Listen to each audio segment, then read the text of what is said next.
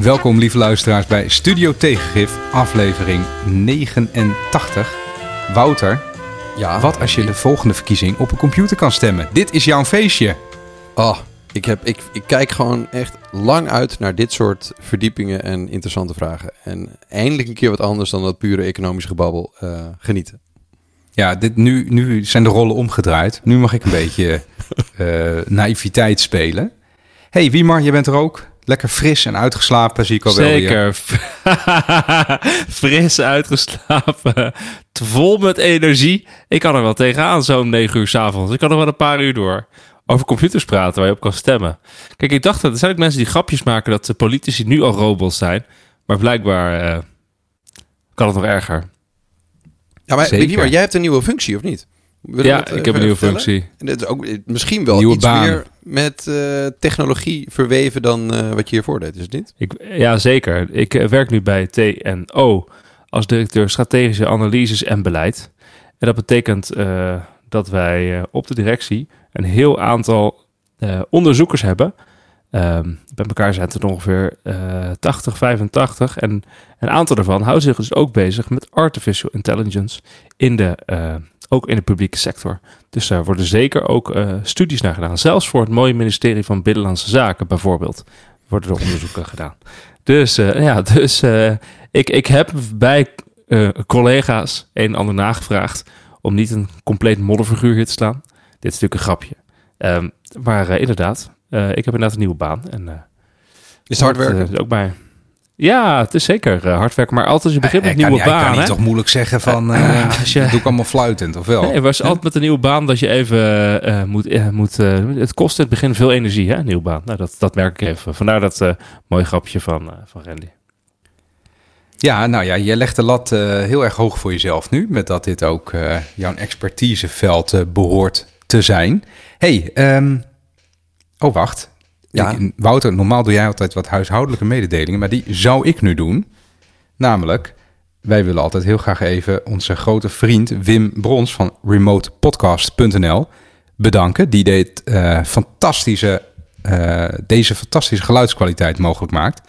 Bedankt Wim. Je kan Wim dus inhuren als je zelf ook remote wilt podcasten. Zoals jullie weten zitten wij af en toe bij elkaar en af en toe dan hebben we even geen zin om te trainen. En dan eh, doen we het even zo. Hey, eh, Wouter. De Yes. gekte. We, hebben, gekte. we hebben een hele leuke gekte. Een, een serieuze eigenlijk. Ja, ja. Zal ik hem toch maar doen? Ja, doe hem. Doe hem maar ja, even. Er werd vandaag bekendgemaakt. ehm, nee, laten we het zo beginnen. Je hebt in Nederland, dat kennen jullie misschien, daar kom je, ik kom er daar vrij vaak langs gereden over de A6. Heb je een heel groot vliegveld, dat heet Lelystad. En daar gebeurt eigenlijk niet zoveel.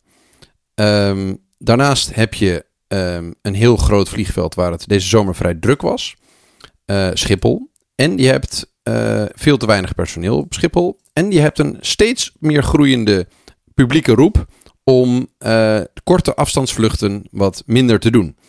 Ehm, en wat kwam er nu vandaag naar buiten? Dat Schiphol een miljard gaat investeren in een nieuwe uitbreiding, een volledig nieuwe terminal. Ehm, en ja, ik, ik weet, weet niet hoe de, de, de communicatiemensen daar, daarover nadachten. Ehm, of het een, een fijn idee was om, terwijl we allerlei klimaatplannen aan het opschrijven zijn, eh, een, eh, een opschaling van de capaciteit van Schiphol bekend te maken. Ehm, maar ik vermoed dat dit nog wel eens een staartje zou kunnen krijgen. Wat, wat jullie? Ja, dit, is- ja, dit is natuurlijk niet bedachte communicatiemensen, eh, maar eh, gewoon eh, Nou, door de, de... grootste investeerder de is de, Rijks, de eigenaar is de Rijksoverheid. Die bezitten, eh, wat is het, bijna eh eh 70% van eh, Schiphol. Eh 69% is eigenaar. Ehm, Ja, en die, daarna de gemeente Amsterdam. ja, dat De zijn gewoon publieke knetterlinkse organisaties. gemeente Amsterdam. Hè? Ja. Ehm, maar dit, daar wordt dus een miljard ingepompt. Dat moet je even beseffen. Ja, ik vind, het, ja, ik vind dat wel heel bijzonder. Als je, als, je alleen maar, als je het alleen maar hebt over krimp. Schiphol moet krimpen. Dat is onvermijdelijk. Je hebt al een tweede luchthaven gebouwd. Die ligt daar... eh, jij zei er gebeurt niet zoveel, maar er gebeurt helemaal niks, eh, geloof ik. Ja, maar helemaal is ja, dat dicht. Is ook, nou, wel wat, eh, wat hobbyvliegtuigjes en dat soort dingen. Dat is allemaal prachtig en zo en leuk. Ehm, maar het lastige is om de logica te herkennen in dat je zoveel gaat investeren in de uitbreiding van een, eh, een luchthaven. Terwijl het publieke debat steeds gaat over dat er korte, eh, korte afstandsvluchten allemaal geschrapt zullen moeten gaan worden. En dat nog steeds het merendeel is van wat er op Schiphol gebeurt. Ja, volgens mij is dat een goed voorbeeld van. Dat je, dat je vaak praat over vergroening en matiging en weet ik veel wat. Maar dat je ondertussen gewoon groei plant. Ja. Ehm, wat jij, Wiemer? Eh, ja, ik, ik heb er niet zo heel veel over te zeggen. Ik zit, ik zit er rustig naar te luisteren en dan denk ik, ja, interessant. Het beeld is inderdaad wel vreemd dat er een nieuwe terminal bij gebouwd wordt, terwijl er, eh, terwijl we zeggen te gaan krimpen en er al een heel Lelystad vliegt, eh, vliegveld ligt. Ja, ik, ik kan er eigenlijk niet zo heel veel zinnig over zeggen. Het is raar, hè? Maar ik, ehm, je kan ook zeggen, hey, het was al best wel druk, toch? De afgelopen periode op eh, Schiphol. Eh, misschien proberen ze daar wat aan te doen met investering. Je kan ook zeggen, inderdaad, ehm, blijkbaar is het, eh, is het eh, eh, bij de Nederlandse consument eh, nog niet helemaal doorgedrongen dat we minder gaan vliegen. Of is het beleid nog niet zo effectief ingezet dat we ook daadwerkelijk minder gaan vliegen. En is gewoon Schiphol aan het rekenen op groei. En misschien heeft het ook nog met, niet met passagiers te maken, maar met, ja, meer met vracht. Ik weet niet hoe dat precies Ja, maar, maar in ieder geval, die, er is een... die, er is een die dozen die gaan natuurlijk niet in een terminal eh, in de rij staan. om, eh, Nee, dat is die dozen hebben wat meer ruimte nodig voor eh, gewoon het inchecken. Ah, Wouter, kijk, ik weet wel waarom jij dit als gekte hebt benoemd. Want jij bent natuurlijk een eh, groene jongen die geeft om het klimaat. Alleen het spijt me om jou te moeten vertellen dat de waarheid natuurlijk is dat we doorgaan met vliegen totdat de aarde compleet naar de kloten is. Ik zag ook een fragment van de voetbalclub Paris Saint-Germain. En die moesten volgens mij, eh, ik, heb, ik volg, volg het ook niet op de voet hoor, maar volgens mij moesten die een Champions League wedstrijd spelen op, op een afstandje wat twee uur met de TGV is. Maar die gaan dan vliegen. En toen kregen ze daar een vraag over op de persconferentie. En toen gingen die voetballers allemaal gewoon giechelen. En van, wat een domme grap. En eh, volgende keer gaan we met een zandbuggy of zoiets. Nou, ik weet niet precies wat, wat ze zeiden. Maar dat vonden, dat vonden ze gewoon allemaal totaal belachelijk. Het hele idee dat, eh, dat je met de trein zou gaan. En toen dacht ik ook, ja, Nou, misschien is dat ook we zijn ook gewoon te dom om ons, eh, onszelf Ja. te redden.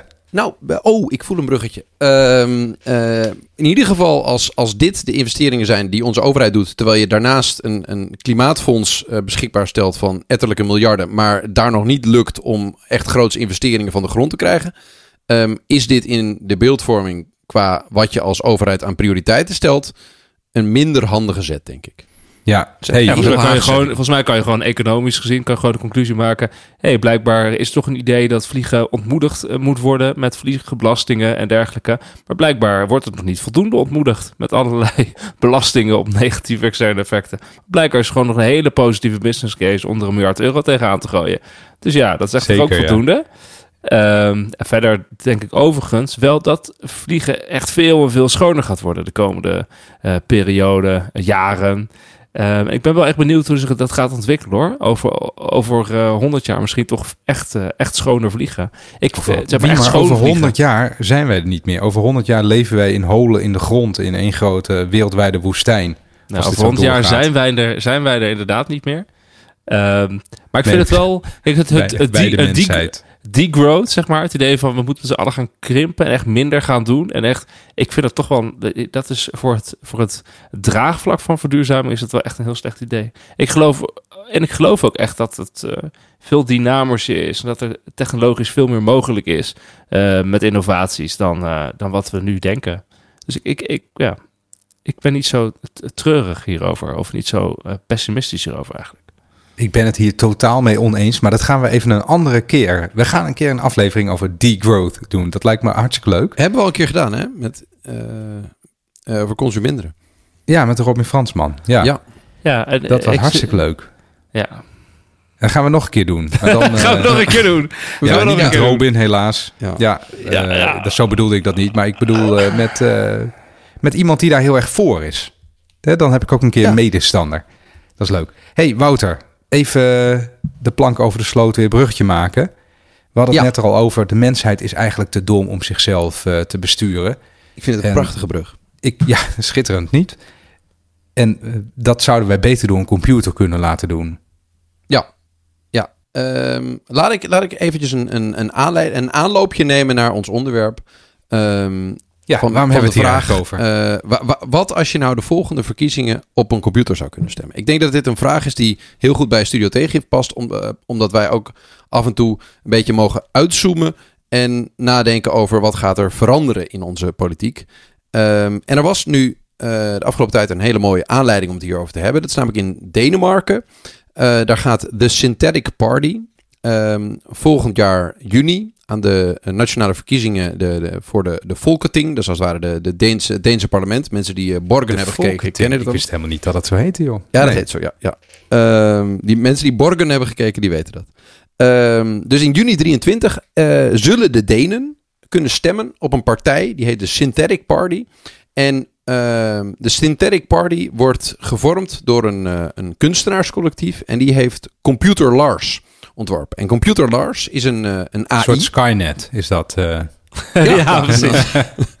ja. Ehm, en eh, mensen kunnen dan stemmen waar, op een partij die haar beleid 100% door een AI, dus een, een kunstmatige een vorm van kunstmatige intelligentie, die Computer Lars heet, die bepaalt wat die partij doet. En wat dit, dit collectief, die dus de Synthetic Party vormt, eh, eh, als, eh, als press statement heeft gemaakt, is dat zij zich richten op mensen die niet meer stemmen en die eigenlijk niet meer meedoen in de democratie. Ze zien de democratie gedeeltelijk als kapot. En ze zien de technologie als hetgeen waar de, wat daar een, een, een, een fix voor kan bieden. Ehm, en, en dit het een- kapotte zijn dan domme politici die het land niet zo goed kunnen besturen als nodig is. Nee, nee, Wat nee. is dan het nee, dat is niet waar. Ze willen, ze willen de, de kiezers die niet stemmen. Dus Ja. er is 15% van de Denen die stemden niet in 2019. En ze zeggen ja, met, dit, eh, met deze AI-politicus, met die computer Lars, kunnen we eh, op basis van dus alle verkiezingsprogramma's vanaf 1970 kunnen we een verkiezingsprogramma maken wat eigenlijk bij de alledaagse Deen eh, aansluit. En de, die politieke standpunten zijn ja, zo op maat gemaakt eigenlijk dat ook de, de afgehaakte Denen nu erop eh, willen stemmen. Ehm, ja, want het is, er staat bijvoorbeeld een, het, het, het standpunt in, hè, Wouter, dat er een universeel basisinkomen moet komen. Van 100.000 Van twee keer het modale inkomen. Twee keer het gemiddelde of modale de- Deense Ja. salaris. Ehm, dat, Dat ja. Zou ik ook Ik wel vind- voor willen stemmen. Ja, lekker. Ja, wat ik het fascinerende aan dit, dit, dit voorbeeld vind. Uiteindelijk is het zo dat in Europa de meeste innovatieve dingen en interessante dingen komen uit het noorden. Uit, als het over lekkere dingen gaat, komen ze meestal uit zuiden. Maar dat zegt democratische, interessante dingen zie ik vaak uit Scandinavië komen. Het vorige wat ik heel interessant vond was de, de Piratenpartij, die ook heel veel interessante zaken rondom technologie, om, rondom intellectueel eigendom, openheid, transparantie en privacy hebben geagendeerd. En nu dus deze Deense partij, die, die een, echt een actieve campagne gaat starten. ehm, waarbij ze ook aangeven dat ze af en toe verkiezingsbijeenkomsten voor mensen organiseren. Ehm, want dan gaat Computer Lars in gesprek met mensen. Eh, wat ze ook Even, lanceren is... even eh, gewoon even voor de, de look en feel van dit verhaal, Wouter. Ja, ja. Is Computer Lars, heeft, heeft Computer Lars ook een fysieke manifestatie, zoals ja, dat is een goede eh. Robin van Bassie en Adriaan? Nee, nee tot, tot nu toe was het voornamelijk de makers van Computer Lars... die allemaal een Computer Lars t-shirt aan hadden. Ehm, waarbij je eh, ziet ik- dat zij met het, het programma Lars praten. Maar wat Lars, daar wilde ik net op komen, is Lars... ik- Misschien kennen jullie het programma Discord, een soort van eh, interactie-chat-platform. En ehm, het, het, het- ze hebben ook het idee om eh, verkiezingsbijeenkomsten te organiseren... waarbij mensen met de AI kunnen chatten. En dat Computer Lars dan ook leert van alle gesprekken die hij voert... met iedereen die geïnteresseerd is in Computer Lars. Ja, dat is dus potentieel, denk ik, al meteen een probleem. Want dan heb je dus een verkiezingsprogramma gemaakt op basis van eh, alle verkiezingsprogramma's tot 1970 tot nu. Daar trek je de centrale boodschap uit met je eh, als computer. En vervolgens wordt eigenlijk jouw eh, standpunt voor de alledaagse Deen... wordt vervolgens aangepast op basis van je gesprekken via dat platform, eh, weet dat, Discord... Eh, Want dan Mhm. zit je gewoon met, met één of twee of drie of, of whatever. Hoeveel Denen te praten die toevallig zin hebben om met computer Lars te gaan babbelen. En dan eh, wordt vervolgens het verkiezingsprogramma wordt aangepast op basis niet meer van een grote steekproef, maar op basis van een aantal van die Denen. Dus ik, ik vond dat eigenlijk niet zo'n heel sterk verhaal. Ik dacht, daar gaat het volgens mij niet goed. Volgens mij Nee, moeten we Lars maar- lekker maar, houden bij zijn, bij, zijn, eh, bij, zijn, al- bij zijn vanaf 1970 tot nu. Jij bent helemaal fout bezig, Wiemar. We moeten eerst even Computer Lars een, een kans geven. Ik wil heel graag Ik eerst wil, nog computer weten... Lars, ik wil Computer Lars ook zeker een kans geven. Ik vind dit echt eh, niet alleen eh, super grappig, maar ook gewoon heel innovatief. En ik ben echt benieuwd. En ze moeten nog even, want Wouter zegt wel van... je kan op deze Computer Lars stemmen... maar ze moeten nog wel even alle benodigde stemverklaringen en zo halen. Oh ja, ze in alle districten. meer dan 10.000 Anders dan- handtekeningen hebben. Meer dan 10.000 handtekeningen, anders kan je niet op stemmen. Dus laten we eerst even kijken of, of uh, Ze hadden nu vier, geloof ik. Ja. Ja, ja, dus we we zijn nu wel iets heel futuristisch aan het eh, bespreken... waarvan de kans natuurlijk Nee, ook gewoon aanwezig is dat het niet eh, gaat Jij bent het al gebeuren. helemaal aan maar... het problematiseren. Ik wil eerst gewoon Nee, weten, stel je voor... analyse aan het maken. Stel je voor deze partij die...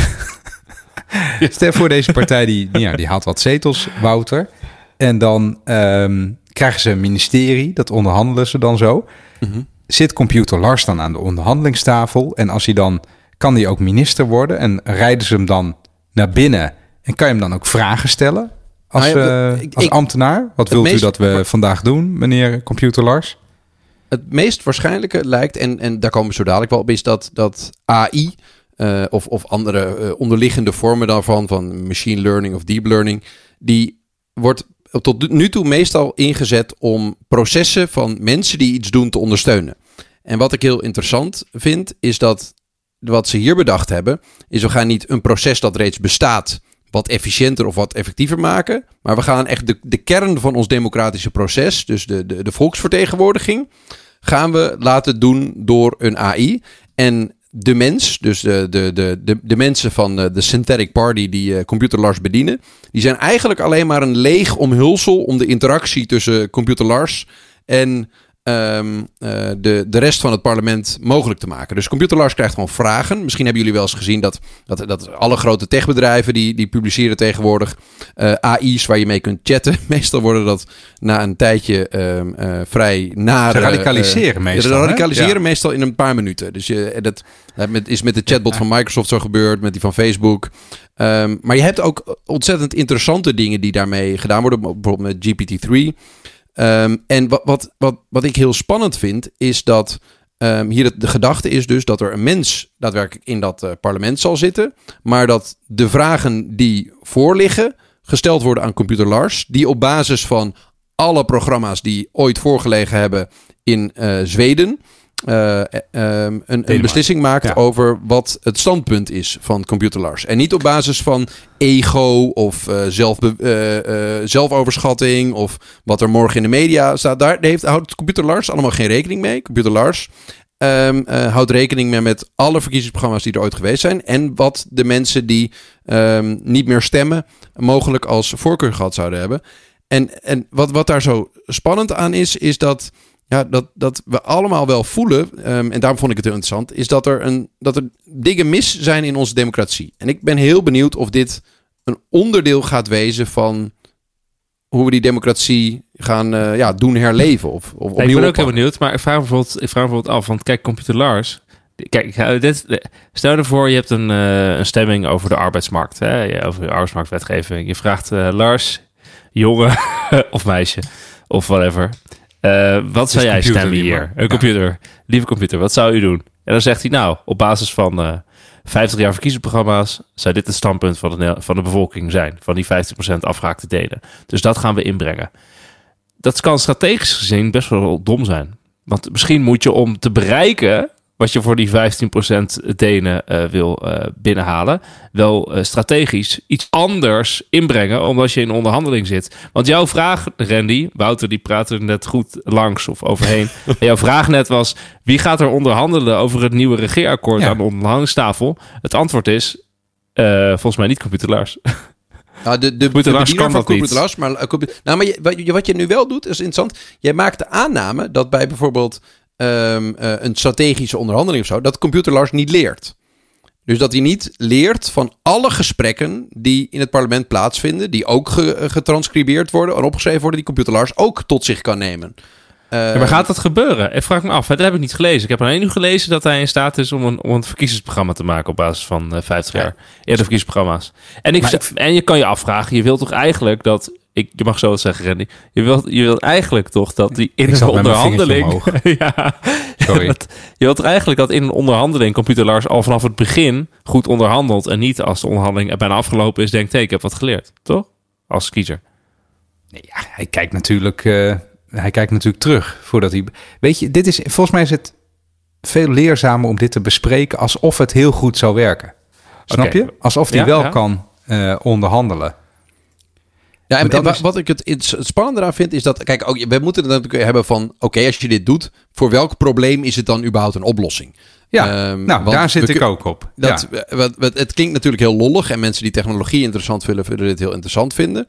Ehm, maar we kunnen ook concluderen dat een, een, een groeiend gedeelte van eh, de bevolking in veel westerse landen niet meer stemt of niet meer gelooft dat het goed gaat met de democratie. Dat heeft het, het CPB, eh, eh, sorry, het SCP ook on- eh, on- geconcludeerd. ja, maar dat, is natuurlijk, dat kan net zo goed een argument voor dictatuur zijn dan een argument voor AI eh, in de Ja, politiek. ja. ja. Dus, ja. dus, eh, oké, als je de probleemdefinitie opstelt, moet je dus eerst kijken van wat, wat is er mis. En ehm, dus meer, eh, veel mensen voelen zich niet meer vertegenwoordigd door de politiek.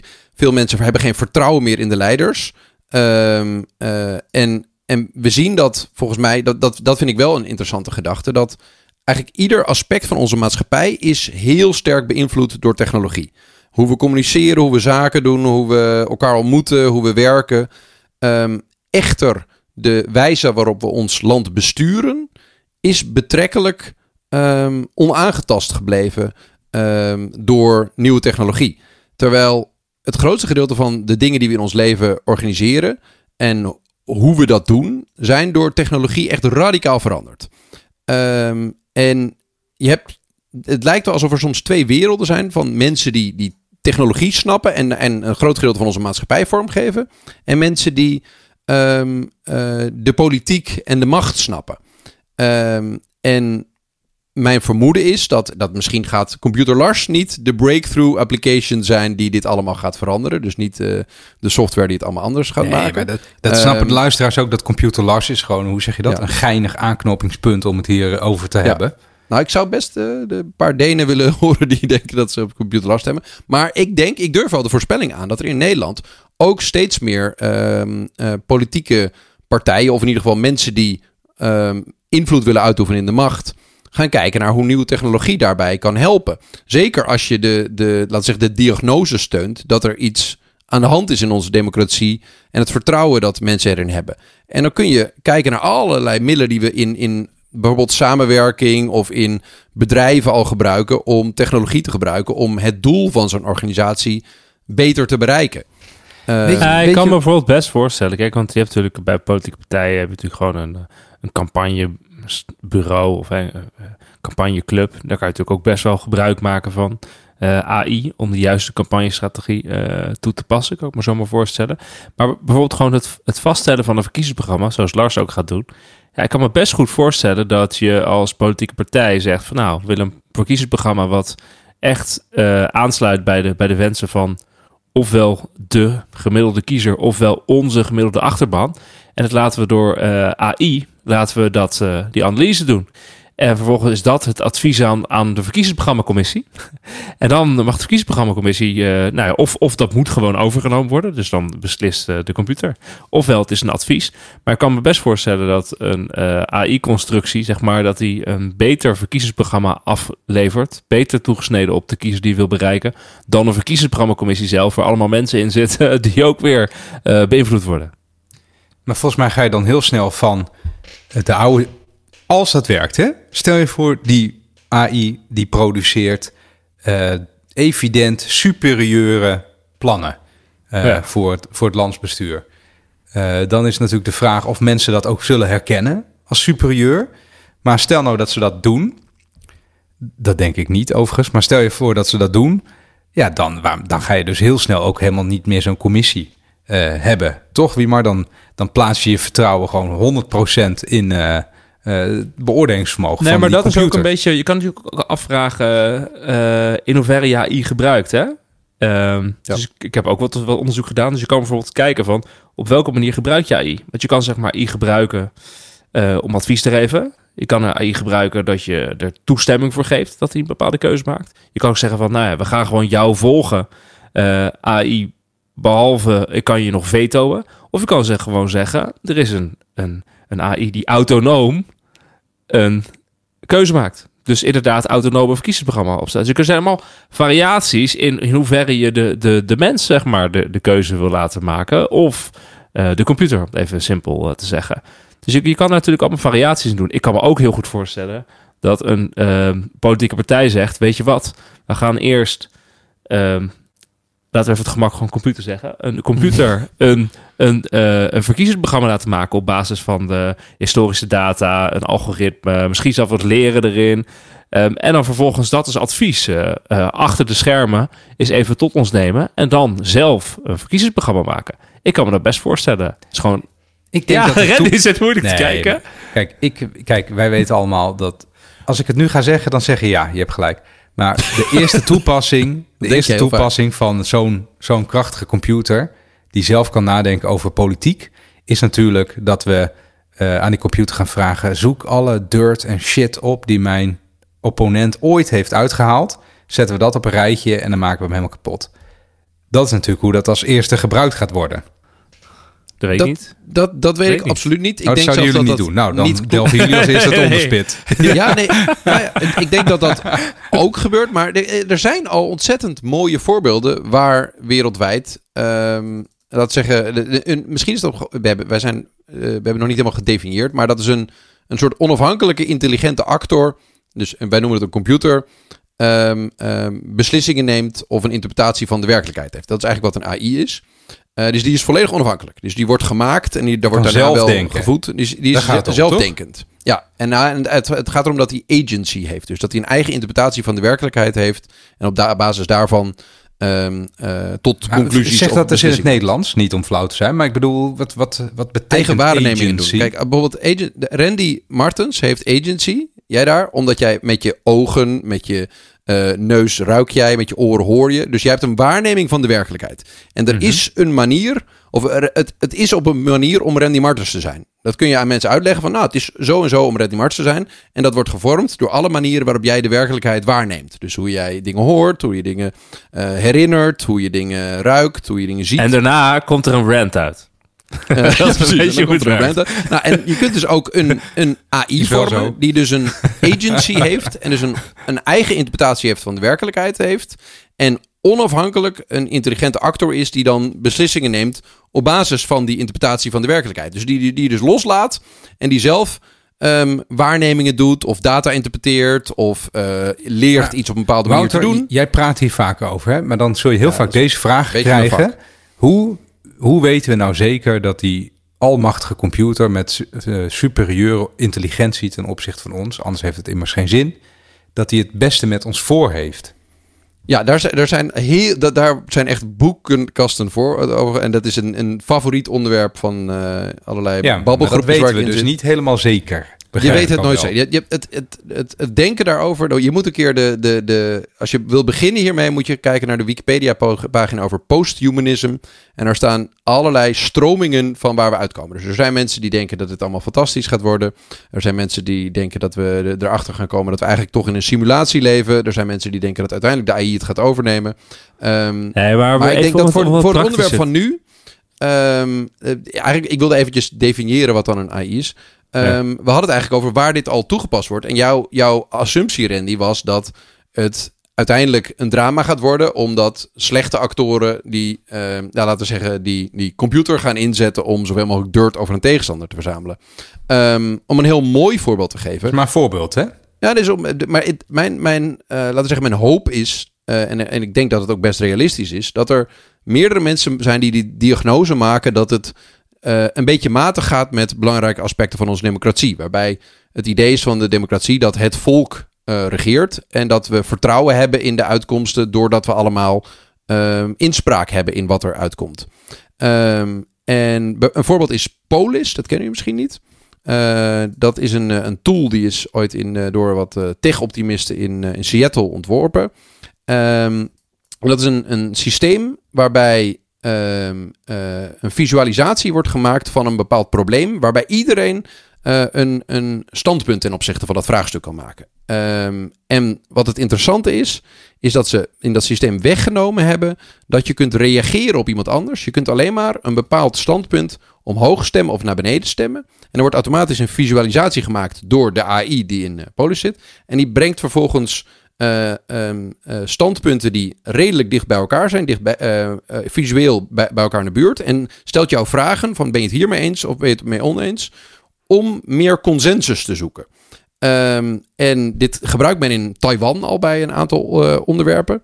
En wat het interessante is dat, dat doordat je mensen niet laat reageren op elkaar, maar een algoritme gebruikt dat mensen die bijna al bij, uh, bij elkaar zitten, um, om erachter te komen waar nou de echte meningsverschillen zitten, komt, komt men erachter dat op de grootste issues eigenlijk 80% van de mensen het redelijk eens is, maar ons huidige politieke model van reactie en als, als kern van de interactie uh, veel ja, polariserender is dan wat je zou kunnen doen met een groot gedeelte van de vraagstukken waarop mensen het wel eens zijn. Um, in Taiwan hebben ze dit gebruikt bij bijvoorbeeld alcoholwetgeving of de wetgeving over hoe ze met, met Uber omgaan in de stad. Maar Wouter, jij zegt eigenlijk dat we op deze manier kunnen we dus en de polder en de politiek afschaffen. Dat is eigenlijk uh, nou, je de, wat, je, de, je, je zegt. Het, mijn voorbeeld is dat je de polder kunt heruitvinden. Um, doordat de gemiddelde burger volgens mij niet zo vertrouwen meer lijkt te hebben in gesloten tafels waarbij vertegenwoordigers van groepen samenkomen. Omdat mensen gewend zijn geworden door technologie dat ze op ieder moment van de dag met iedereen in de wereld kunnen interacteren. En dat misschien het beste manier om tot een besluit te komen niet een een tafel van uh, twintig mannen in blauwe pakken is die menen grote groepen te vertegenwoordigen die ze misschien wel niet in het echt vertegenwoordigen. En mijn punt is dat je door middel van um, uh, slimme technologie. Range, hè? Klein, klein die, range. Ja, ja, die mensen range. en hun standpunten vlak bij, vlak bij elkaar positioneert. Ieder, ieder um, erachter kunt komen dat de mensen om wie die beslissingen gaan op heel veel wezenlijke vraagstukken eigenlijk veel meer eens zijn Um, dan ze denken op basis van wat de leiders die ze verkopen ze hebben in de publieke arena aan uh, ja, ja, debatten uitvoeren. Ja. ik heb hier één, ik heb hier, ik heb, ik, jullie merken, ik, ik ben de, ik, hoe zeg je dat? Ik ben sceptisch. Ja. ik heb hier, ik, ik zeg het maar gewoon. Ga je Lars? Ik heb hier één uh, probleem mee, want dat is ook uh, de kritiek die ik vaak heb op, nou ja, type politiek à la Volt en D66. Verder allemaal prima hoor, maar er lijkt vaak gedacht te worden dat we wat we nodig hebben is een slimmer besluit. Snap je wat ik bedoel? Dus de, maatschap, de maatschappij is een soort puzzeltje. Die proberen wij te kraken. En dan moeten we het slimst mogelijke besluit nemen. En dan trekken we zo het, hè, dan trekken we het in één keer helemaal los. En dan valt het helemaal keurig. Dan valt de puzzel helemaal keurig in elkaar. Maar je kan ook zeggen, ja, weet je, al die besluiten die, ja, die zijn iets beter of iets, ietsje minder. En vervolgens is het waar het om draait is dan de, de, de bloed, zweet en tranen om de boel uit te voeren uh, en om, de, om het echt te realiseren. Uh, kan zo'n AI daar nou wat in betekenen? Want dat besluit, dat geloof ik uh, op zich wel. Maar hoe, hoe ga je dat dan realiseren nadat de, de, de computer het, het allerslimste wat je zou moeten doen heeft maar, gezegd? Maar geloof jij werkelijk dat ook in de realisatie, um, laten we zeggen, intelligentie vanuit een computer niet heel veel wijzere besluiten zou kunnen nemen dan de mensen die dat nu doen. Die dat doen op basis van onvolledige informatie, aannames, persoonlijke voorkeuren, een, een humeur. Nee, maar kijk, ik stel de vraag omdat ik denk dat de, dat de grootste meerwaarde ligt in de uitvoering van dingen.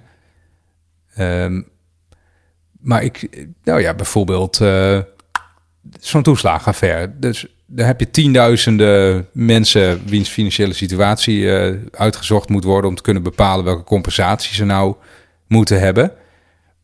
Daar zijn ze op dit moment niet aan het uitkomen bij de Belastingdienst. Te ingewikkeld, te veel informatie. Uh, gaat, uh, is niet op een goede manier aan het lukken. Gaat misschien wel nooit lukken. waarbij het echt uitzoekt, hè, dan ga je iedereen gewoon bakken met geld geven om het maar klaar te maken. Ja, kan je daar nou wel? is dat, is dat, is, ligt daar niet de belangrijkste toepassing? Want die besluiten, uh, als ze allemaal perfect uitgevoerd wordt, dan kan je ook een matig besluit nemen. Snap je wat ik bedoel? Ja, nou, dat, dan wordt het matig besluit wordt heel goed uitgevoerd, ga je dan eh, voor je zien. Nou, ik denk dat dit ook wel ondersteunt wat jij, eh, wat eh, het, het, het, het rapport waar Wiemer aan verwees. Dus er zijn meerdere onderzoeken gedaan door of hoe AI al bij de Nederlandse overheid of in Europese landen wordt toegepast. En dat is meestal in de uitvoering. Om een, een redelijk strak gedefinieerd proces een stuk efficiënter uit te voeren op basis van meer interpreteerbare data. En was nou echt een goed voorbeeld dan? Wat we ook goed kunnen begrijpen. Wat vind jij een mooi voorbeeld, Wiemer?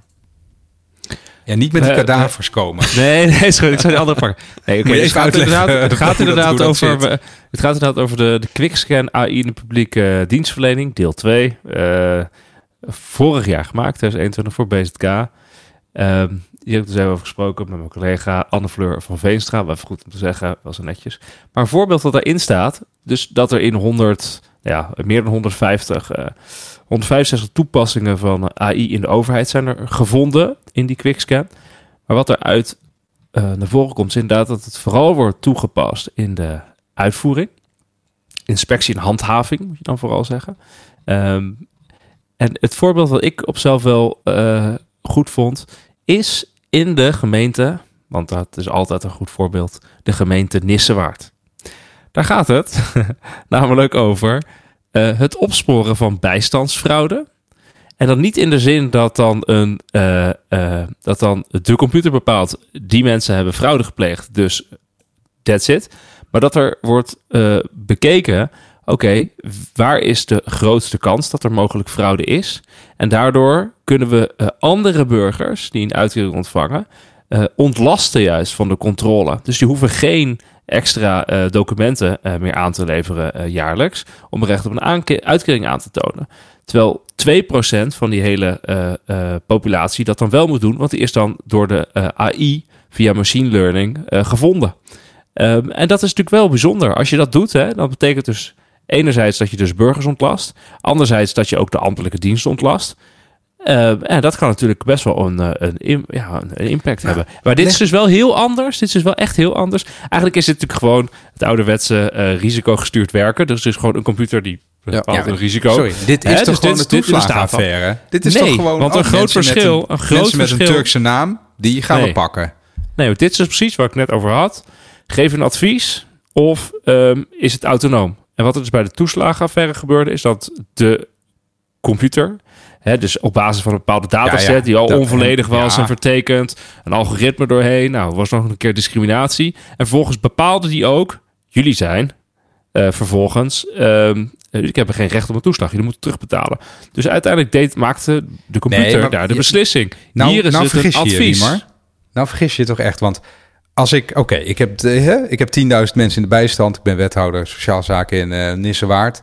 En dan zegt de computer tegen mij... je moet deze mensen controleren, deze 2%. Ja. Eh, en die ga ik dan controleren. En verrek, die plegen natuurlijk een beetje fraude. Dus dan, ga ik de, dan, ga, dan leert de computer... hey, die hebben inderdaad, eh, plegen die fraude. Dus die gaan we volgende keer nog... eh, nog beter controleren. Want er is ook wel onderzoek gedaan dat als het gaat om preventief fouilleren en je preventief fouilleert dus steeds Marokkanen, dan ga je natuurlijk af en toe wat vinden. En je vindt natuurlijk niks bij mensen waar je niet kijkt. En dan kom je in die statistieken steeds sterker naar voren. En dat verklaart dan een heel groot deel, blijkt uit onderzoek, misschien wel het geheel, van eh misdaadstatistieken, waarbij sommige groepen. Maar dit is dus heel belangrijk. Dit is dus heel belangrijk, want dit is dus eh, de negatieve kant van AI, inderdaad. Dat hij in die zin geen eh, moraal heeft. Hè? Dus, of, of in die zin. Kijk, er gaan dus volgens mij, volgens mij zijn er drie dingen die, die fout kunnen gaan. Nou, ten eerste gewoon de dataverzameling, de dataset die je gebruikt. Daar kunnen fouten in zetten. Verkeerde registraties, verkeerde formulieren, verkeerde eh, data. Dus eigenlijk is de kwaliteit is niet goed. Of je is gewoon data niet beschikbaar over iemand. Dat is ook natuurlijk onhandig. Dus er kan wat in de dataset fout zitten. Er kan vervolgens dus wat in het algoritme zitten. Dus in het, het mechanisme wat de AI toepast. En daar kunnen discussies natuurlijk komen over inderdaad ehm, mensenrechten, discriminatie. Als jij inderdaad tegen de, tegen, eh, de computer gaat zeggen... oh, je mag gebruik maken van eh, nationaliteiten... en weet ik wat voor allemaal eh, privacy... gevoelige gegevens. Ja, dat, dat mag natuurlijk niet. Daar moet wetgeving, is wetgeving op. en dat moet ook van tevoren natuurlijk afgekeurd worden. Daarvoor hebben we ook zaken als natuurlijk een AVG en zo. Hè. Wordt, zijn er, is er ook gewoon wetgeving dat je minimale data mag gebruiken bij dit soort zaken. Je moet echt een noodzaak aantonen dat je dit doet. Ehm, maar daar kan wat fout gaan als je dat van tevoren niet goed regelt. Ja, maar als, en als, als het derde, supergoed werkt, als je, als je zelf gaat, het derde is nog, is nog gewoon het leren. Dus op het moment dat je ook nog een zelflerende eh, AI hebt, ja, dan wordt het eh, lastig. Want dan ga je inderdaad specificeren of focussen op één groep. Want je gaat dan inderdaad de risico's versterken en versterken. Ja, dan kom je natuurlijk ook in, in eh, ethische kwesties terecht. Maar dit betekent dus alleen vooral dat je van tevoren goed moet...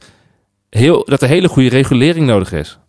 Ja. Maar wat er wel en niet mag. geavanceerd is dit? En Want we ook, hebben en het ik over- denk ook dus, wat, sorry nog even, wat dus heel belangrijk is, is dat je dus van tevoren goed met die AI eigenlijk experimenteert. Wat zijn de gevolgen als we dit toepassen?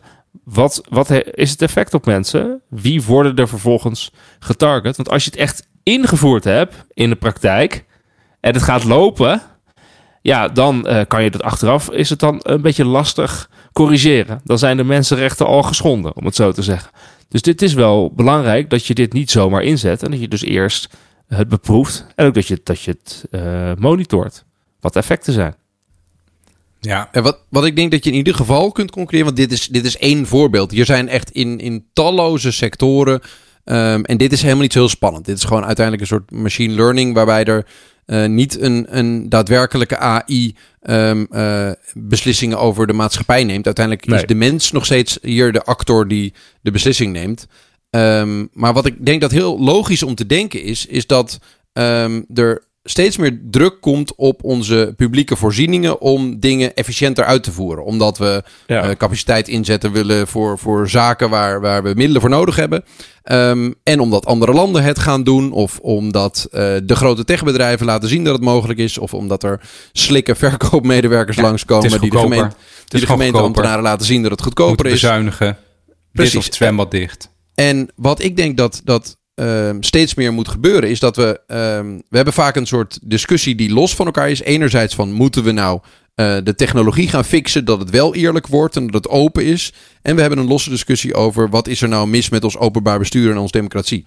En ik denk dat eh, eh, langzaam dat samen gaat komen van oké, hoe kunnen we nou technologie die we op een eerlijke manier of een manier die we allemaal oké vinden inzetten om de zaken die we misvinden met de democratie. En dat kan liggen in, in de uitvoering van, van wat we in democratie dus doen. Dus besluiten die een overheid neemt van we gaan dit en dit zo doen. Ehm, daar, daar zitten heel vaak nog processen bij die door godschuwelijk grote groepen mensen op een vrij inefficiënte manier worden uitgevoerd. En ik denk niet dat er veel politieke stromingen zijn die er tegen zijn om vervolgens ehm, eh, ehm, computers die zelflerend, eh, minder zelflerend, ehm, eh, in ieder geval toe te passen om wat we dan bedacht hebben te doen. op, een, een betere manier te doen. Dus waarbij we beter vooraf gedefinieerd hebben. En ik denk dat een, een logische volgende stap gaat wezen dat ook die besluitvorming, waar wij soms zelf volgens mij al bijna 90 afleveringen maken over hoe besluiten soms tot stand komen op een hele aparte manier, met die, die als gek te typeren valt of waar het belang van de meerderheid toch echt niet gediend wordt. Dat ook daar we gaan verwachten dat onze volksvertegenwoordigers steeds meer gebruik maken van ehm, ondersteunende technologie of, of, of zelflerende technologie of zelfs Ja, ik Eh, denk dat ook. Ik denk dat je dat, kijk, want uiteindelijk is het. Kijk, misschien even toch bij het voorbeeld blijven van de bijstandsfraude, eh Randy. Kijk, op het moment dat je de computer. ehm, ik, doe het er even zo, hè. Als je die verbiedt om inderdaad eh, nationaliteit of et- etniciteit mee te nemen in de analyse, kan het wel eens zo zijn dat hij een, een veel minder gebiasde afweging maakt dan de, de ambtenaar die aan het loket zit. Ja. En die ziet eh, iemand van eh, Turkse afkomst aanlopen. En denkt, nou, onbewust. Hè? Op het moment dat jij dat... Dat kan je bij een computer dus uitkrijgen. Omdat je dat dan niet mee laat wegen in, het, in, de, in de afweging, het algoritme. Dat is natuurlijk... Je ziet het ook terug natuurlijk. eh, is er een legio voorbeelden. Ik vind... Heb je dat boek, moet je echt een keer lezen, van Daniel Kahneman gelezen, Ruis. Dat is een fantastisch boek, of Noise natuurlijk in het, in het Engels. Dat hij gewoon laat zien dat experts, mensen, dat die afhankelijk gewoon van het tijdstip van de dag, ehm, hoe ze de informatie Ja, gepresenteerd tuurlijk, ja. krijgen, ehm, hoe ze, wat ze gegeten hebben, wat ze net hebben meegemaakt. komen. Dat er echt dat experts echt hele andere afwegingen maken En dat er gewoon echt grote verschillen tussen zitten. Ehm, niet alleen binnen één persoon, maar ook tussen, nou, in dit geval bijvoorbeeld de, de, de, de, de rechters. Maar je kan het ook zeggen, ja, um, medici, bijvoorbeeld, een, wat nu al gebeurt, hè, is dat in de medische sector, dat bijvoorbeeld de uitslagen van scans, dat die worden dus geanalyseerd door, uh, door AI. Omdat die altijd dezelfde uh, afweging maakt. Heel consequent. Uh, dat doet hij gewoon beter als je, als je dat, zeker als je er nog learning in zet, dan een, een arts. en in de, ik denk echt, een radioloog. In de, in, de, in de zorg gaan we dit echt massaal zien de komende tientallen jaren. Dat heel veel van de zorgtaken overgenomen gaan worden door, door AI. Ben ik heilig van overtuigd. En ook, ja, misschien wel wat minder in, in, de rechterlijke, in de rechterlijke keten iets vinden is natuurlijk, en dat bedoel ik iets lokaliseren, op die manier ja, vinden. diagnose. Diagnose ja, je. Ja. Is natuurlijk uh, een goed idee, want dat kan je ook verifiëren. Dus die computer zegt, hier zit, hier, deze patiënt heeft kanker. Nou, dan ga je kijken, zeg je inderdaad, deze patiënt heeft kanker. Ja. Dat is natuurlijk wat anders dan dat een um, computer uh, recht gaat spreken of uh, zonder interventie van mensen toezicht gaat houden. Want dat, dat laatste is wel cruciaal, want als het echt werkt, dan verdwijnen natuurlijk die mensen er binnen no time tussenuit. Dus dan heb je, um, dan heb je, dan krijg je op een gegeven moment een brief in een soort digitaal uh, brievenbusje waarschijnlijk van een computer en die zegt: u bent, uh, u, u bent schuldig of zo, weet ik veel. Uh, dat, dat is heel raar. Dat wordt ja, heel snel krijg, onethisch. Zo krijg je nu wel al een, een, een boete thuisgestuurd. Ja, voor te hard rijden. Precies, ja, maar dit komt geen mens meer aan te pas. Wouter, kan jij nog wat, uh, kan je nog wat extra toepassingen noemen? Om ja, wat dit ik, wat, wat beter te begrijpen. wat ik uh, interessant vind, is om, omdat uh, bij de, de abstractheid van het onderwerp van een AI... hebben mensen volgens mij altijd voorbeelden nodig om te snappen van waar hebben we het over. En wat ik een, een mooi voorbeeld vind, is dat, dat er steeds meer investeringsmaatschappijen zijn, dus venture capital funds, die een AI in hun board nemen. Denk aan, uh, ik ken er een die heet uh, Deep Knowledge Ventures. Um, waar wordt dus de beslissing om te investeren in een bedrijf, wordt uiteindelijk medegenomen door een AI die een even sterke stem heeft als de board van dit bedrijf. Zo zijn er ook steeds meer techbedrijven die overwegen om in hun board een AI te, te installeren die een officiële stem heeft over alle stukken die in de board komen en alle beslissingen die daar genomen worden.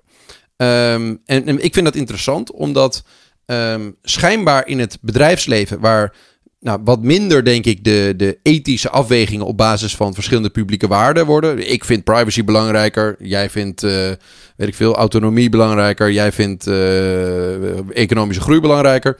Nee, we hebben één duidelijk uh, kenmerk, namelijk groeit ons bedrijf en is het gezond en, en, en is het levensvatbaar op de langere termijn? Wordt er winst gemaakt? Um, dat die de stap nemen om uh, AI's in hun board te installeren.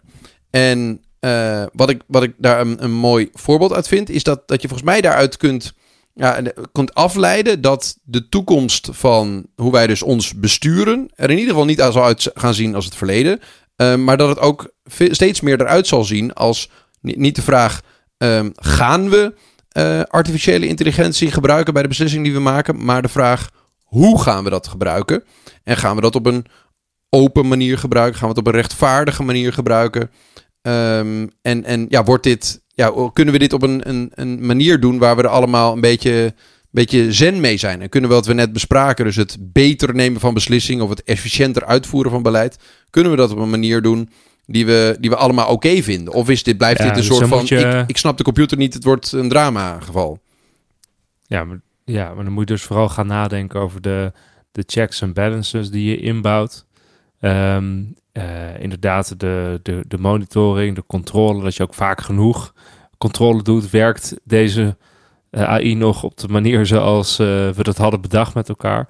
En dus ook heel duidelijk grondrechten moet, moet bewaken. Want ja, dat zie je wel een beetje. Moet een beetje denken aan. Um, um, shit, weet het ook weer. De, Weet je nog, de, die, die, dat Wouter Bos toen die toespraak uh, gaf, uh, die, de, de tracelezing of zo, over Bokito, die uit het hok was gesprongen. Dat hij zei van... Is die aap. eh, in, in ja, Blijdorp. van, van oké, we waren met de derde weg bezig. Maar toen opeens, oh, hey, het bleek ineens dat eh Bokito was eruit en we konden het niet meer terugkrijgen. Dat, Waar dat gevoel heb ik hier. Ja, sorry, sorry. Dit, dit was een, een- ik, ik ben moe. Ik kreeg hele rare, Ja. rare Oh, ik vind het wel een goede associaties. metafoor. Maar dit is hier dus ook. Van op het moment dat de, de, de, de AI, het algoritme, de, de, de, de eigenstandige eh, eh, leren, op het moment dat dat uit de bocht is gevlogen, de Mhm. Bokito is eruit, dan krijg het dan maar eens terug. Want je zit dan al gewoon op een pad van mensen, Ja, mensenrechten. en je snapt het natuurlijk al heel Maar snel toch- niet meer, hoe het werkt. Nee, en dat, ik denk dus, een van de dingen die dus absoluut geen, uiteindelijk weinig gaat doen, is uitleggen hoe al die algoritmes werken en heel transparant zijn en open. Want dat is alleen maar voor de toezichthouder, om vervolgens de toezicht te kunnen houden. Maar gewone burgers, om wie het gaat, bedrijven om wie het gaat, hebben natuurlijk geen, die gaan het natuurlijk allemaal niet bekijken. Die hebben geen flauw idee. Dus het is, het- het- we gaan het meer uitleggen, lijkt me een, eh, een lastige. Het is vooral de toezicht wat je- heel belangrijk eh, Kijk, als je geen vertrouwen hebt, dan zullen mensen eh, dit niet willen, niet willen gaan op die besluiten hè, die uit AI komen. Maar als er wel vertrouwen is, dat is veel interessanter. Dan, ehm, dan ga je het denk ik op een gegeven moment gewoon doen. Dan vraag je van, oh, wat is de, de, de stemgerechtigde leeftijd? Wat zou dat moeten zijn? Dan zegt die computer eh 12 jaar. En dan zeg je waarom? Dan zeg je, ja, dat zegt de computer, dat kan je helemaal niet begrijpen. Ik kan dat begrijpen. Ja, Jij kan dat niet begrijpen, anders had je dat zelf wel verzonnen. Doe dat maar gewoon. Nou, en dan heb dan of je, je doet het dan of je doet het dan niet. Snap je? Plat gezegd. Ja, ja, ja. En als je merkt dat het werkt, wat zo'n computer jou vertelt, dan ga je dat doen. Dan, dat, dat schrijft ook. eh, Ja, maar dit is dus die? lastig. Toch, toch, toch even, het is toch lastig. Want als je doorhebt dat het werkt. Kijk, dat is dus bij die andere zaken die we net deden wel. Dus op een, een belegging en dan advies van een computer. Dan zie je uiteindelijk dat het werkt. Want je hebt gemiddeld een hoger rendement als je de mens laat doen.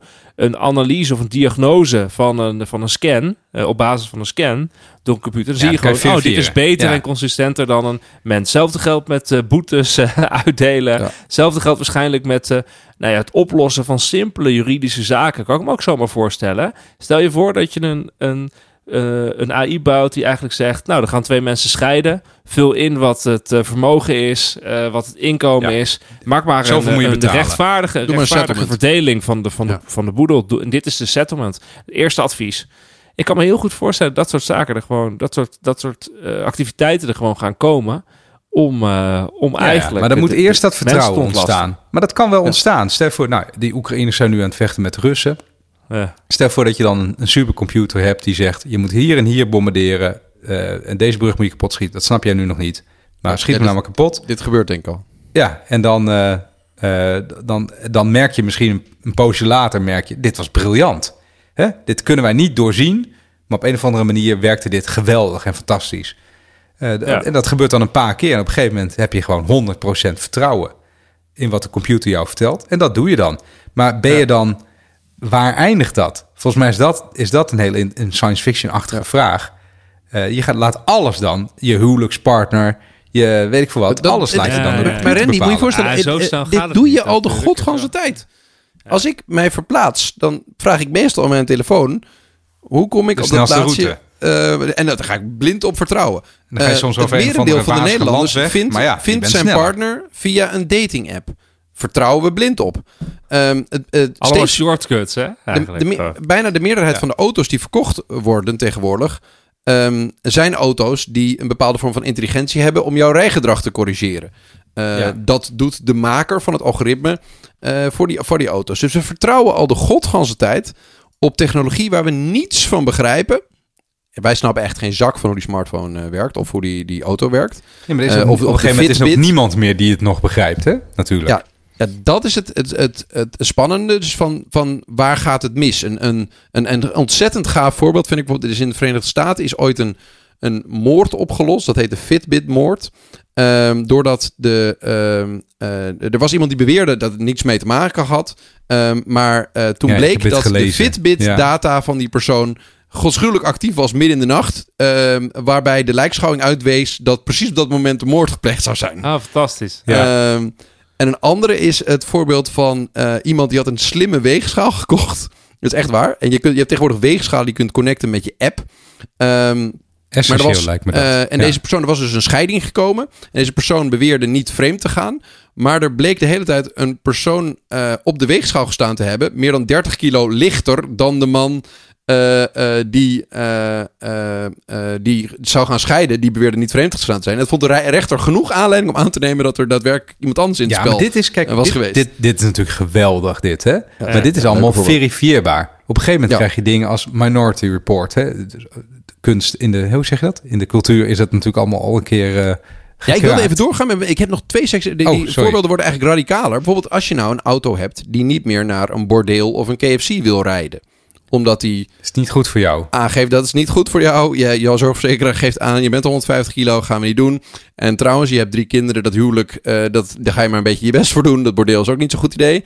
Ehm, of, Of wel. eh, ja. ja, op bepaalde zoektermen. Eh, Ja. Of bepaalde zoektermen mogen niet meer. In, bijvoorbeeld als je in China Amnesty International in WeChat tikt, dan krijg je Daar geen rijdt er meteen een resultaat. busje voor. Nee, Oh, echt, dan, dan, kun je, dan krijg je geen resultaat. Ah, ja, ja. eh, dan, dus je kunt dat zelfs via de chat. Dus ik naar jullie twee wil eh, chat, eh, via WeChat, een soort Maar WhatsApp. Dan Als, komt je, dat als, je niet dit aan. kan, je- als we even proberen dit een beetje te, door te structureren. Hè? Nee, maar even van wat kan je doen? Ehm, want je kan dus zeggen van oké, het eerste wat AI dan doet is gewoon gegevensverwerking. Eigenlijk een analyse. Dat is over de uh, hoeveel de 30 kilo lichter op een weegschaal. Dat is Ja. gewoon een analyse, zeg maar. Hè? Je kan ook natuurlijk hebben over echt digitale dienstverlening. Dus het wordt gewoon meteen geregeld. Je hebt geen ambtenaren nodig, bijvoorbeeld. Nou, ik denk eigenlijk dat Mhm. het, eh, het, het uitdelen van die verkeersboetes is eigenlijk gewoon digitale Prachtig dienstverlening. Ehm, de pas. Datagedreven ge- Ja. beleid, dat is natuurlijk een interessante. Hè? Dus eigenlijk beleidsvorming. Dus je hebt een data-analyse op basis daarvan. Kan je je bijvoorbeeld heel goed voorstellen dat je op basis van ehm, eh, eh, data gaat bepalen wanneer je eh, bruggen, wegen gaat Onderhouden. onderhouden, repareren. Gebeurt nu al hoogstwaarschijnlijk. Ja, Maar dat is natuurlijk gewoon beleidsvorming, dat je bepaalde cyclus erin legt. En als laatste natuurlijk is gewoon algoritmische besluitvorming. Dus dat betekent gewoon dat een algoritme gaat bepalen wat er gebeurt. Dus het algoritme in de auto zegt: Oh, hey, hallo, je hebt drie kinderen. Nou, jij mag niet naar hoeren. Want, oh ja, ja, want je hebt nog een vrouw. Ik denk dat dat vooral de reden zijn. ja, Dus ja, Ja, of we En zien een TBS'er lopen, die rijden we dood. Ontsnapt bedoel ik. Ja. Eh, maar, Maar, maar dat, laat, dan- maar dat dus beslissen, dat is interessant. Ja, de rest is niet zo interessant, met alle respect. Want Nee, datagedreven besluitvorming, dat is Ja, natuurlijk, dat, dat doe je maar gewoon, dat deed je al, maar dat doe je nu met de computer.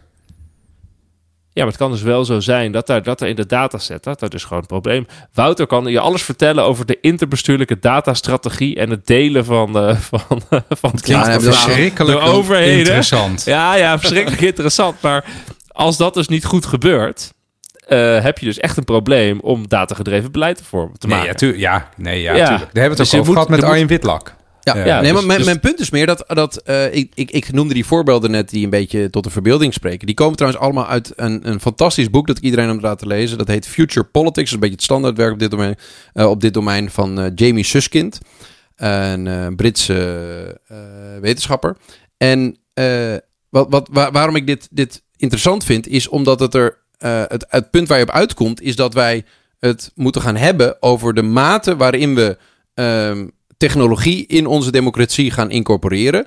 En wat we daarbij oké vinden en wat we te ver vinden gaan. En de dingen die we te ver vinden gaan. Dus de scenario's die Randy beschrijft. Dat je auto besluit om een TBS dood te rijden. Of je vertelt waar je wel en niet naartoe moet gaan.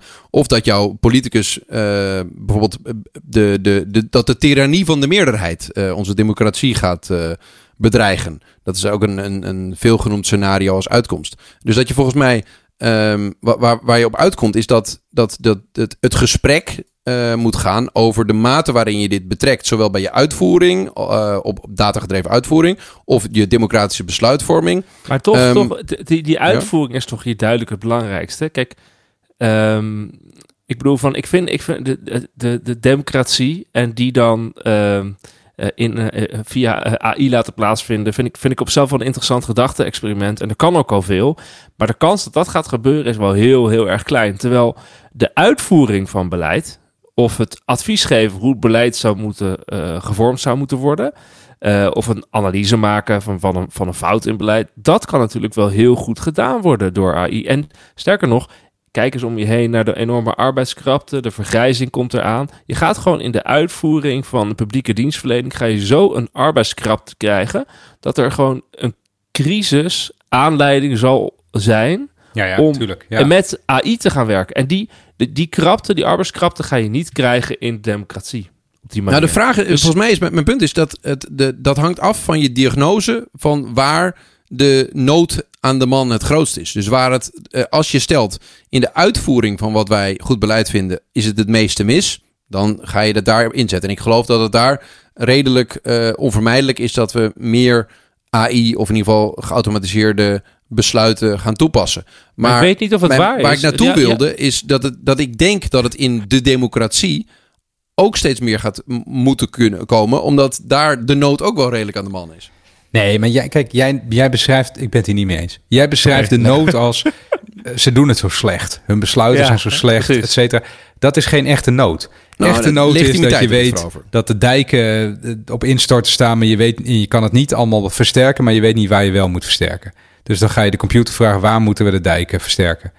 Dat is veel, eh, dat ligt veel meer voor de hand. En en de- wat Wiemar denk ik zegt, is dat in een tijd van crisis dan natuurlijk een soort doorbraak komt van, oh, we kunnen het nu echt niet meer bolwerken. Of we zijn, er, zijn, nu in oorlog, er zijn gewoon geen we gaan die computer politici. inzetten. We gaan, er zijn gewoon geen politici die gaan zeggen... wij doen het met z'n allen zo slecht... we gaan een meerderheid besluiten dat AI het van ons gaat overnemen. Dat gaat niet gebeuren. Dat, dat is gewoon niet waar. Daar geloof ik niet in. Wat wel gaat gebeuren is niet dat er wordt bedacht... hey, de uitvoering van de overheid is zo slecht... of dat gaat zo eh, niet in orde... we moeten dat laten overnemen door een computer. Nee, wat er gebeurt is... het kan niet meer uitgevoerd worden... want er zijn te weinig arbeidskrachten kom, dat, dan moet het maar door een computer. Ik denk dat het zo gaat. Net een beetje zoals wij zitten nu een beetje in eh, de MS Teams eh, en eh, op, wat is het, remote podcast en zo. Dit hadden we natuurlijk allemaal nooit gedaan als er geen coronacrisis was geweest. Nee, dit is Zo, ook de dit techniek is in de De, democratie. de, het is, het Ja. is de, de, een crisis die ervoor zorgt dat je een enorme stap hier maakt. En dat gaat denk ik hier ook gebeuren. Ik kijk er gewoon als macro-econoom naar. Het is gewoon technologische vooruitgang. Je kan arbeid vervangen door kapitaal. En op een bepaald moment is de nood aan de man zo enorm... eh, dat het geaccepteerd zal worden en zal er draagvlak voor, eh, voor komen. En ik geloof dus niet dat de eerste aanleiding zou zijn... een computer doet het beter dan een mens. Ik, ik heb een voorbeeld wat ook een beetje op jouw terreintje ligt, eh Wiemar. Namelijk... eh, Helaas trouwens, Wouter, helaas. wat? Wat helaas? Nee, nee, Ah, ik, ja. ik, heb, ik heb jullie al een redelijk eind in, eh, in, in de denkrichting die ik interessant vind. Want dit, dit nemen we dus al voor lief. En de volgende stap is denk ik dat de impact van dat we AI in veel meer van die uitvoeringsprocessen gaan toepassen, is dat de mensen die dat waarnemen zich af gaan vragen: hey, zou dit niet in, in de besluitvormende processen in Ja, ja, ja. democratie Ja. ook heel goed ondersteund kunnen zijn? Dus ik zie het meer als een soort van opstap in de richting. En uiteindelijk gaat Lars ons wel te grazen nemen. Ja, dat ben ik met je eens. Kijk, al die, die eh, het waren het 165 eh, eh, eh, ehm, eh, AI-toepassingen in de publieke sector die we in die quicksand zagen. Ja. Dat waren vooral pilots. Dus er wordt nu overal Ja, worden ja, er experimenten en We piloten ons helemaal door midden. We piloten ons helemaal gek. Eh, maar het betekent wel dat we nu aan het kijken zijn wat er mogelijk is. En ook zien dat dingen beter eh, eh, gaan. En dat zal het ook zeker mate van adaptie zijn van AI in de publieke sector. Maar alleen denk ik, er moet echt een, inderdaad een crisis zijn om het generiek ehm, overal eh, geaccepteerd te krijgen. Ja. Randy. En die ligt Nou ja, volgens mij dus op de arbeidskracht. Stel je voor, hè, bij het Centraal Planbureau, jouw, hoe zeg je dat? Kennisveld, Wiemar. Iedereen heeft tegelijk een nieuwe baan gevonden. Of eh, er stort vliegtuig neer op het Centraal Planbureau, iedereen is weg. En dan, eh, dat is het type crisis. dat is dan kan niet, het zit allemaal thuis te werken, dus... eh, Daar stel je voor, ze zijn op het bedrijfsuitje. Valt het vliegtuig op iedereen weg. En dan, nou, dan zegt iemand... Ja, maar ik heb trouwens ook een, een, een algoritme. Die kan gewoon de economische groei voor volgend jaar voorspellen. En die kan dan het ideale begrotingstekort produceren... op basis van hè, op welk eh, niveau van overheidsschuld je uiteindelijk wilt uitkomen. En dat kan de computer ook wel eh, eh, aangeven. Nou, doe je dat een paar jaar, dan blijkt dat het gewoon fantastisch werkt. Hè, die computer heeft altijd goed. En iedereen heeft 100% vertrouwen in die berekeningen. Nou, dan is het Centraal Planbureau natuurlijk weg daarna. Waarom zou je dat nog... waarom zou je daar nog mensen neerzetten als een computer dat kan doen? Dat, dat soort, dat type toepassingen, dat lijkt me best wel reëel. Want dat is allemaal heel kwantitatief. Het is een soort eh, advieswerk met getallen. Nou ja, ik denk dat die mensen moeten oppassen dat ze niet vervangen worden door, uh, door computers heel binnenkort. Hetzelfde geldt voor centrale banken die het rentebeleid vaststellen. Je hebt nu inflatie, 13 procent. Je hebt een doelstelling van 2 procent. Wat moet, de, wat moet de rente doen? Volgens mij kan een computer dat veel beter bedenken dan Christine Lagarde met haar, uh, hoeveel zijn het, met haar 15 mannen. Denk, het probleem daar natuurlijk, nou ja, ik denk dat op het moment dat alle data uh, beschikbaar was en van goede kwaliteit en allemaal in een computer kon, dat hij dan vervolgens het beter zou kunnen doen dan een Nederlandse bank of een, uh, of een planbureau, als er ook nog een machine learning in zit. Alleen het probleem is natuurlijk dat we niet alle data hebben die van impact is. Nee, die, dat is een kwestie van tijd. Die computer die gaat zelf gewoon sowieso, in de wereld kijken. Sowieso zal het dus zijn dat uh, jij zegt van... oké, er zullen mensen hun baan verliezen. Er zullen sowieso heel veel extra mensen nodig moeten zijn... om uh, de, de data op te bouwen. Ja, ik denk dat niet. Goed niveau computer kan het toch zelf uh, Het is vrij, vrij realistisch dat dit gedeeltelijk al, of al plaatsvindt. Maar als je dan toch een beetje denkt aan wat dit dan betekent, dan denk ik dat het losmaakt dat er steeds meer de vraag komt: um, wie zijn dan de bezitters en de makers van de technologie die die planbureaus of centrale banken gebruiken. Ja. Dus wie bepaalt hoe dat algoritme er precies uit zijn, hoe die datavergaring plaatsvindt, wiens data is dat? Um, Wie maakt de regels over welke datapunten gebruikt worden? En, kleine, uh, een kleine priesterklasse dat... wordt dat dan, uh, ja, denk dat, dat, is, dat, ja. dat is een, denk ik een, een realistischer eh, risico. Dat je dus de begrijpers en makers van enerzijds de tech hebt... en anderzijds de bezitters en de verwerkers van de data... Um, die, waar wij als maatschappij schijnbaar een heel hoog vertrouwen moeten hebben. En dan kom je weer terug bij het punt dat ik aan het begin had. Is dat ik zei dat, er, dat je mensen hebt die de politiek begrijpen. En mensen die technologie begrijpen. En dat die mensen die technologie begrijpen steeds meer de maatschappij aan het vormgeven zijn. En mijn verwachting is dat de mensen die de politiek begrijpen. langzaamaan beïnvloed gaan worden door mensen die technologie gaan uh, begrijpen. Voor, door, voor de beslissingen die ze uh, maken. En, en dan gaat de vraag worden: die lui die de technologie begrijpen. dus de, de, de, de, de algoritmes, de AI's programmeren en, en de data beheersen. Um, zijn dat legitieme actoren die wij in de maatschappij vertrouwen? Uh, en. en kunnen we daarop vertrouwen? Kun je die aanspreken? Kun je die een persconferentie laten geven? Kun je die wegstemmen? Um, ik denk dat daar het, het echt spannende in zit. Ja, want als het niet, daarom zit ik ook steeds op dat scenario van dat het gewoon evident heel goed werkt. Want als er geen vertrouwen is, dan komt er, dan komt er toch vroeg of later een moment dat de woedende menigtes naar binnen uh, rennen en uh, brand, brand gaan stichten, zoals bij zo? die 3G-masten. Uh, ja, er is een diep, diep fundamenteel wantrouwen tegen techniek die mensen niet begrijpen. Daarom zie je ook uh, die 5G-masten die mensen in de fik gingen steken. Ja, is het niet dat, dat, dat fenomeen ja. krijg je eventjes tegenstrippelen? Met, ja. in, in, in de jaren 60 begrepen mensen niet hoe een televisie werkt. Ik snap trouwens nog steeds niet hoe een televisie werkt, moet ik beginnen. Um, ieder huishouden had na een tijdje zo'n ding. Um, er zijn altijd black boxes in ons leven gekomen die het leven iets prettiger en efficiënter uh, en leuker en gemakkelijker maakten. En... Ja, maar je kan natuurlijk hele beperkte toepassing krijgen daardoor, hè? als mensen het niet uh, vertrouwen. Uh, daar vind ik het veel interessanter om, om te denken van wat, wat gebeurt er als het Maar is dat, het, het, is dat het argument? Hè? Want um, um, het kan ook zijn dat mensen iets vertrouwen wat op termijn uh, eigenlijk niet vertrouwd had moeten worden. Omdat er bijvoorbeeld uh, schendingen hebben plaatsgevonden van bepaalde rechten. We hebben natuurlijk de discussie gehad met Facebook, wat nu trouwens Meta natuurlijk heet. Um, dan had je ook kunnen zeggen, hey, eigenlijk misschien zit wel een voorbeeld van hadden we niet met z'n allen heel boos moeten worden op, op Facebook. Maar het gaat allemaal wel gewoon door, ja, onder een andere naam. Maar ja, er wordt wat wetgeving gemaakt. Maar het is niet dat, dat de, in de wereld de revolutie uitbreekt, toch? Dus Ren, ik weet niet of jouw argumentatie echt klopt. Van, en op zichzelf, ja, er zijn wat mensen die 5G-masten in de fik steken. Maar ik moet eerlijk zeggen dat uh, de meeste er toch nog wel gewoon staan. En dat we die met alle liefde, ja, bedoel, liefde gebruiken. Gewoon, dus, dit is gewoon op basis van onzin nog, hè? Er is niks met, met, mis met die masten, bedoel ik. Ja, nee, ik denk dat, dat dat zijn allemaal uitingen uiteindelijk die zich richten op misschien technologie die niet begrijpelijk is, maar uitingen van een wantrouwen ten opzichte van de besluiten die de, de heersende klasse neemt. Dus die, een, een, die morrelen aan de legitimiteit van de mensen die het voor het zeggen hebben. Um, en ik denk dat zelfs uit die groepen um, best wel eens een roep kan komen op uh, meer een transparante besluitvorming of een besluitvorming op basis van open data. Uh, maar voor voorbeeld stikstof. Ik ga even weer een voorbeeld geven. Uh, we hebben een immense discussie in Nederland over stikstof.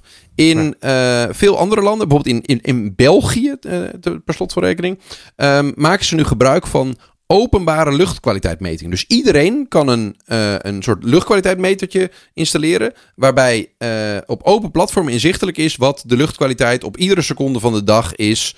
Uh, vanuit alle metertjes die alle Belgen hebben kunnen installeren. Waarbij jij dus zelf bijdraagt aan de, de gegevens die iedereen heeft. En ook de data op basis waarvan beslissingen worden genomen. Hebben ze in Taiwan ook gebas, gedaan.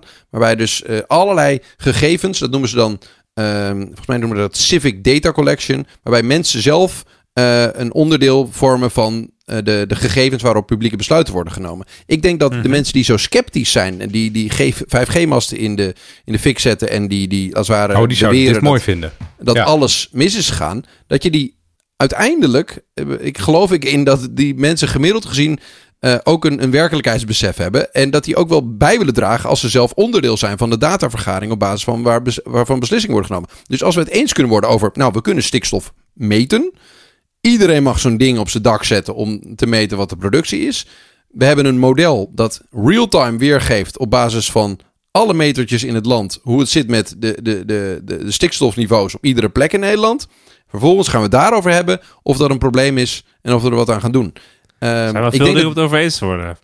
Ja, nee, en, en die, die openheid um, van, van datavergaring, denk ik dat dat een, een, een toevoeging kan zijn. En maar vervolgens kunnen we het daarna nog hebben. Dit is toch heel wat anders dan autonoom denkende computers, uh, Wout. Want dit is gewoon heel bakken data verzamelen en daar op basis daarvan betere beslissingen nemen. Nou, vervolgens kun je volgens mij scenario's laten uitwerken door een, uh, een algoritme dat alle datasets interpreteert. Um, uh, om een mogelijk besluit te nemen. Je hebt gewoon, we gaan A, B of C of D doen. Ja, nee, dat is, uh, natuurlijk, ja, okay, nee, dat is natuurlijk waar. Dat is natuurlijk waar. Maar dit zal natuurlijk wel...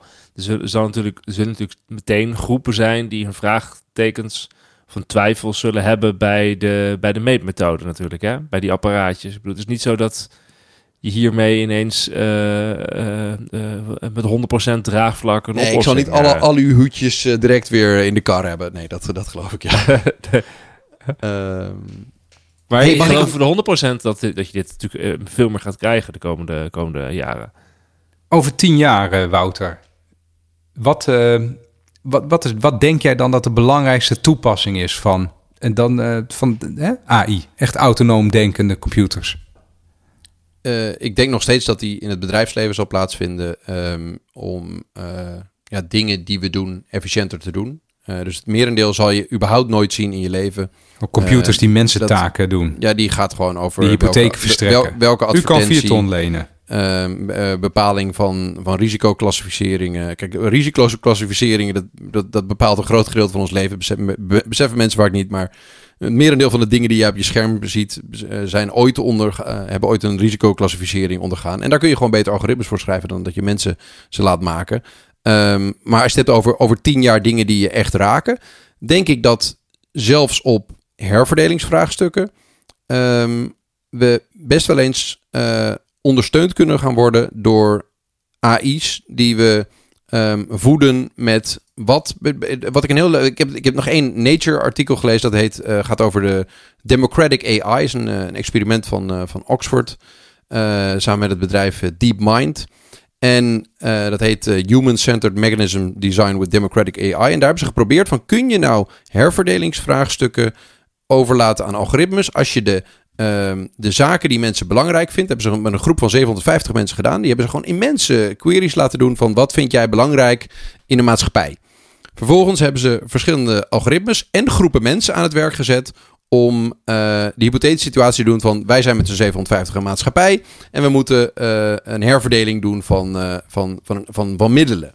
Um, en het interessante was dat, dat, dat spel werd meerdere malen eh, gedaan. Dus met elke, elke, elke ronde moest er dus een investering gedaan worden van alle middelen die dat kleine maatschappijtje had.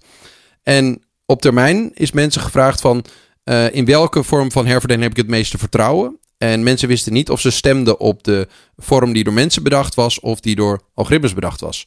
Telkens koos men de, eer, vond men de eerlijkste vorm, de, de vorm van herverdeling die door een AI was verzonnen. En dat is natuurlijk heel hypothetisch en is allemaal in een, een labsetting gedaan. Maar wat ik interessant vind, is dat ik denk dat je dus ook de waarden die mensen belangrijk vinden, kunt meten en als input kunt gebruiken voor hele moeilijke politieke vraagstukken. Bijvoorbeeld hoe ga je herverdeling organiseren. Dus ik denk over tien jaar uh, dat de, waar wij zo kragen over de incompetentie van politici, dat eh, AI best wel eens een, een belangrijke ja, reparatiemachine zou kunnen zijn. Ja, in ieder geval inderdaad adviezen kan geven. Dat gaat sowieso gebeuren op grote, grote schaal, denk ik. Um, aan, aan politici en aan beleidsmakers. Ik vond het echt... Vond je het leuk, Randy? Ik, ja, ik vond het heel leuk. Ik vond het heel moeilijk ook. ja, ik ook. Hè? Ja, ik vond het, echt heel... heel... moeilijk. En wat mij ook opviel... Waarom? Waarom vond je het moeilijk? Nou, um, het, ik vond het heel lastig om iets te lezen... wat je echt verder brengt in je denken. Want het, het zit, het zit veel in allerlei scenario's... en het is allemaal heel theoretisch... Ja. Um, terwijl ik denk bij techniek... Kijk, weet je, techniek is een interessant iets. Want de, de, de oude Grieken, je hebt ze nog steeds... maar ik bedoelde, hè, die 5000 jaar geleden... die hadden ook een stoommachine. Maar dan als speelgoedje voor hun kinderen. Niemand had ooit gedacht van... daar kunnen we ook machines mee aandrijven. Het hoeft ook niet, want ze hadden slaven. Dat is allemaal veel efficiënter. Um, maar de toepas, het feit dat een techniek er is, betekent nog niet dat hij op een bepaalde manier toegepast wordt. Dus dat is zo onzeker.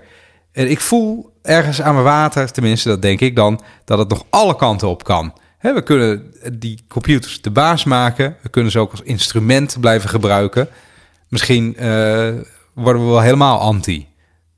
Nou ja, dat, dat vind ik echt lastig aan. Vandaar ook mijn vraag steeds aan jou, Wouter, van hoe gaan we dit over tien jaar gebruiken? Of hoe, waar kunnen we dit nu al zien?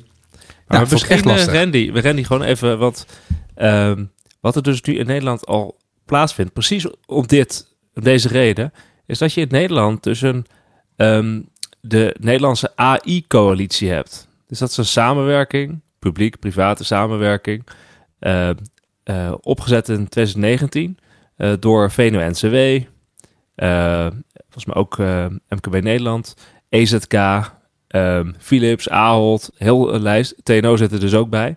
En wat ze dus doen, is dat ze dus met een, bij een hele grote groep bedrijven dus proberen bij te houden hoe ontwikkelt AI zich?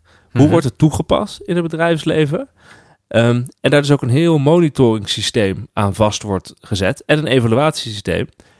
Geld gekregen uit het Nationaal Groeifonds met dus het idee, um, wij moeten voor het Nederlandse bedrijfsleven gaan bijhouden um, waar het toegepast wordt, waar het de meeste kans heeft om succesvol te zijn, waar het de grootste impact maakt, hoe je bedrijven op de beste manier uh, uh, AI kan laten toepassen, zodat Nederland ook een voorloper wordt hierin. Dus het, het, we zijn wel in Nederland al een stuk verder, ook in, praktische zin, zeg maar, dan uh, hoe jij er nu naar kijkt. Ik denk dat het helemaal klopt. En ik vond het heel fijn om jullie een, een kijkje te geven in waar ik heel veel mee bezig ben en waar ik ook in uh, allerlei nerdenverbanden boeken over lees. Uh, Zit jij in nerdenverbanden, Wouter? Ja joh, ja, ja, joh. Dat is... jullie zijn nee, één van mijn nerdenverbanden. Ik heb ook een boekenclub die, ja. uh, die techboeken leest. dat is een heel leuke, hey, leuke... Wouter, vond, vond jij, dit was bevredigend voor jou? Ja, ik vind dit fascinerend. Ik, ik, ja, dat klinkt raar, maar ik heb het hier de godganse tijd over. Dit is gewoon wat mij energie geeft. De, de vraag wat gaat technologie met onze maatschappij doen.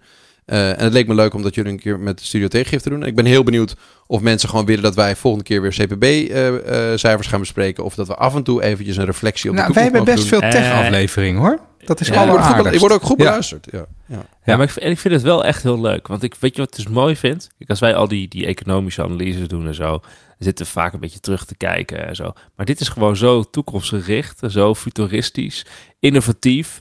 Waar, waar kan de, de maatschappij, de samenleving, de economie heen gaan? Welke mogelijkheden zijn er om de wereld echt te verbeteren, zeg maar? Dat vind, ik vind dat wel mooi. Dat, dat, dat, dit, dat dit kan. Ik, ik heb ook een stille hoop dat politici dit meer gaan doen. Ja, ik vind het dus echt fantastisch. Je kan op, ook online wat filmpjes zien. Dus inderdaad over uh, diagnoses van, uh, uh, inderdaad van kanker en zo door, door computers. En dan denk je, wauw, wat fantastisch dat, dat dit kan. Het is echt vooruitgang hoor. Echt, enorme vooruitgang. Je gaat heel snel in, in, in alle eh, negatieve kanten lopen praten. Ook door de, door de kinderopvangtoeslagaffaire en dergelijke. Heel begrijpelijk. Maar wat voor enorme, enorme extra welvaart en welzijn we hierdoor gaan krijgen. Door al die nerds, al die vrienden van Wouter. Zo fantastisch. Mooi. Hey jongens, bedankt voor deze aflevering. Lieve luisteraars, bedankt voor het luisteren als jullie het helemaal tot hier gered hebben. En tot de volgende keer. Moeten we nog iemand bedanken? Ja, Wim Brons van remotepodcast.nl. En we moeten iedereen wijzen op vriend van de show slash studio tegengif. Want we kunnen nog wel wat vrienden gebruiken. Vooral nerdenvrienden kan ik altijd gebruiken. Bedankt voor het luisteren. show.